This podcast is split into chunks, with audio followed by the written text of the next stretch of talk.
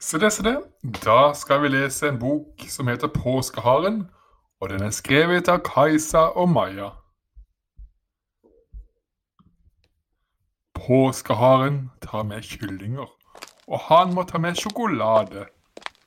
Sjokoladen deler alle på, til det kommer en rev og spiser den. Påskeharen må komme hjem til Maja, og ikke ta med sutter. Så kom det en stor kylling, så løp påskeharen opp på låven og hoppet ned i en traktor. Han startet den og kjørte rundt med den. Påskeharen må ta med skorper. Ikke hele posen, han kan få to.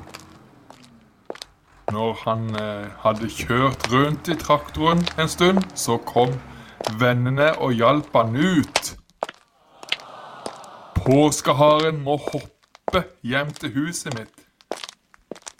Han legger påskeegg i, ha i hagen vår mens vi sover. Kyllingen blir også med.